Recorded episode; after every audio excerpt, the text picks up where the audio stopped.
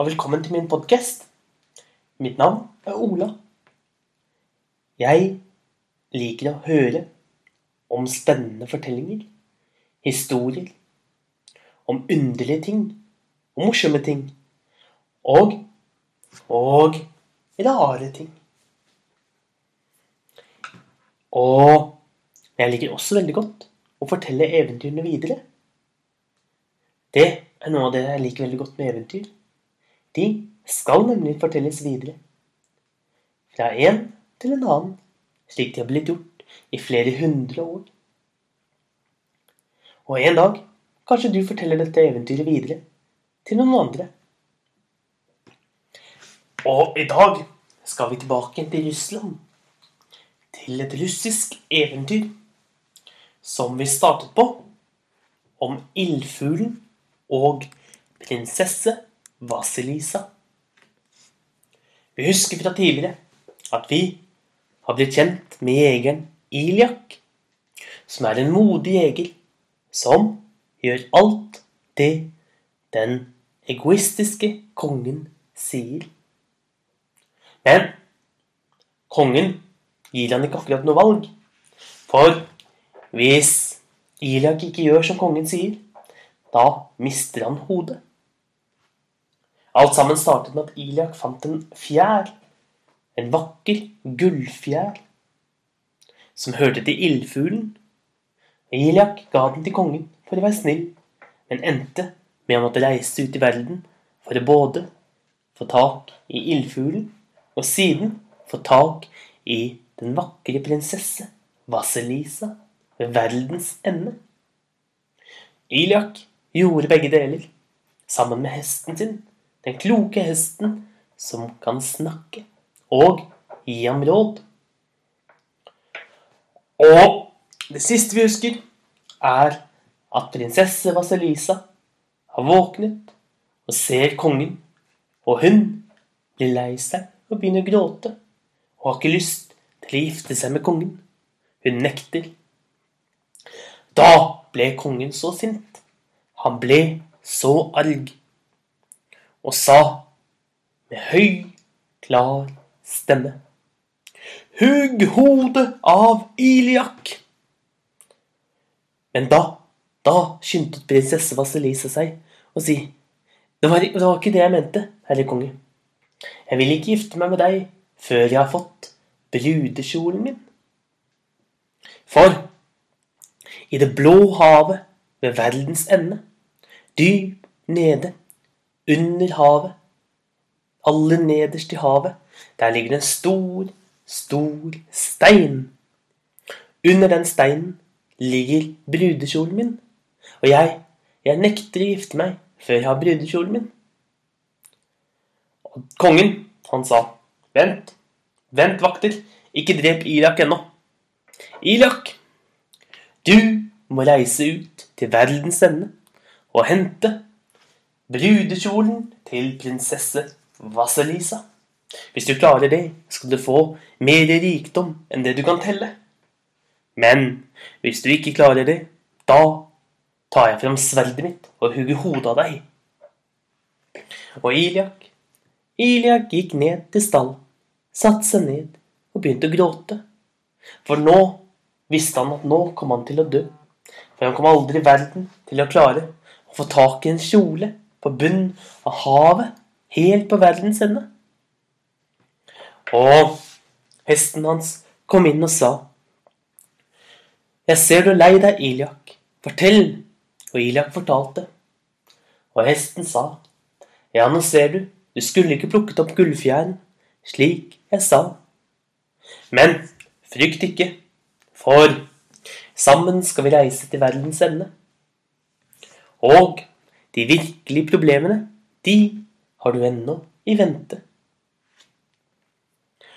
Og Iliak satte seg på hesteryggen, og de red av gårde. Så fort, så fort, at etter bare et par dager var de kommet til verdens ende. Men havet var stort, og Iliak visste ikke hvordan han skulle komme seg ned på bunnen av havet. Da, da gikk hesten hans rundt, fram og tilbake langs stranden, helt til den fikk øye på en kjempestor krabbe.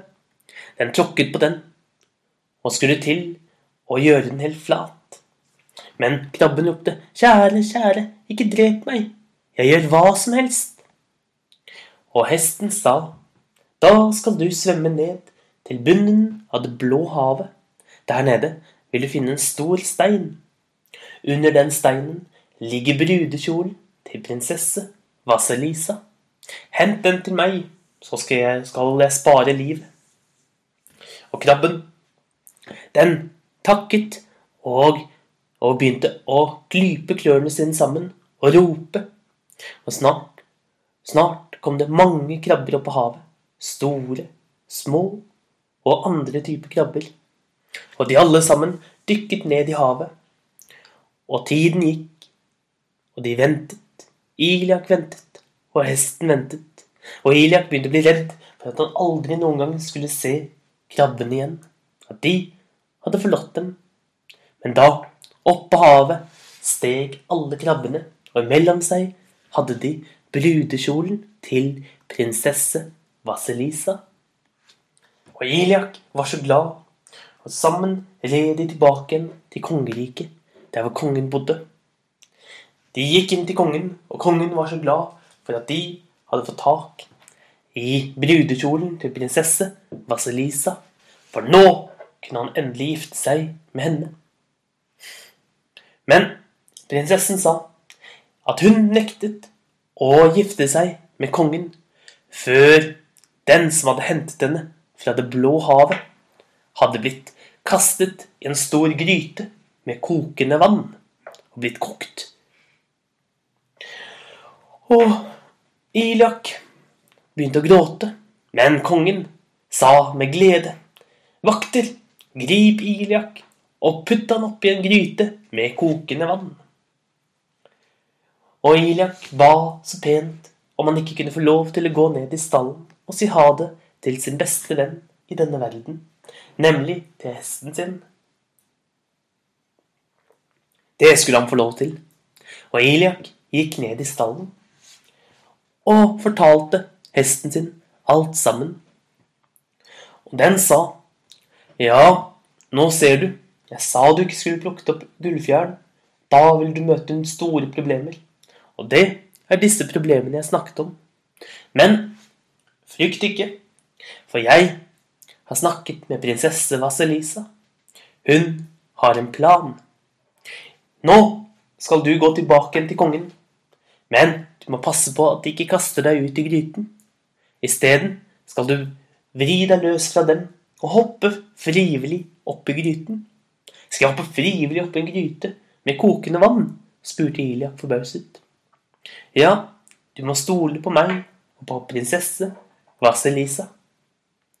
Og, prins, og prinsessen sto oppe ved, ved gryten når Iliak kom opp. Og hun hadde fått vannet til å koke. Men uten at noen så det, så snek hun oppi et eller annet i gryten. Og Iliak Iliak ble ført fram mot gryten. Han brøt seg løs, løp fram mot gryten stupte ned i gryten. Men så begynte vannet å boble, og Iliak steg opp av gryten. Han glødet. Han var blitt yngre. Han var blitt kjekkere. Han steg opp av gryten, og kongen og alle de andre var så forbauset. Og kongen sa han selv hadde lyst til å bade i denne magiske gryten. Så kongen gikk fram til kanten. Så så sa prinsesse Vaselisa at nå var vannet klart, og kongen hoppet ned i gryten, og da, da døde han. Og ingen i kongeriket var lei seg for at kongen endelig var død. Nå slapp de å gjøre alt det kongen sa. Nå slapp de å være redde for å miste hodet sitt. Og Iliak giftet seg med prinsesse Vaselisa. Og folket fikk en ny konge, eller en ny tsar. Nemlig prins Nei, nemlig kong Iliak og dronning Vaselisa. Det, det var fortellingen om ildfuglen og prinsesse Vasilisa. Ha en riktig god dag, så ses vi igjen en annen dag. Så får du en riktig god dag videre.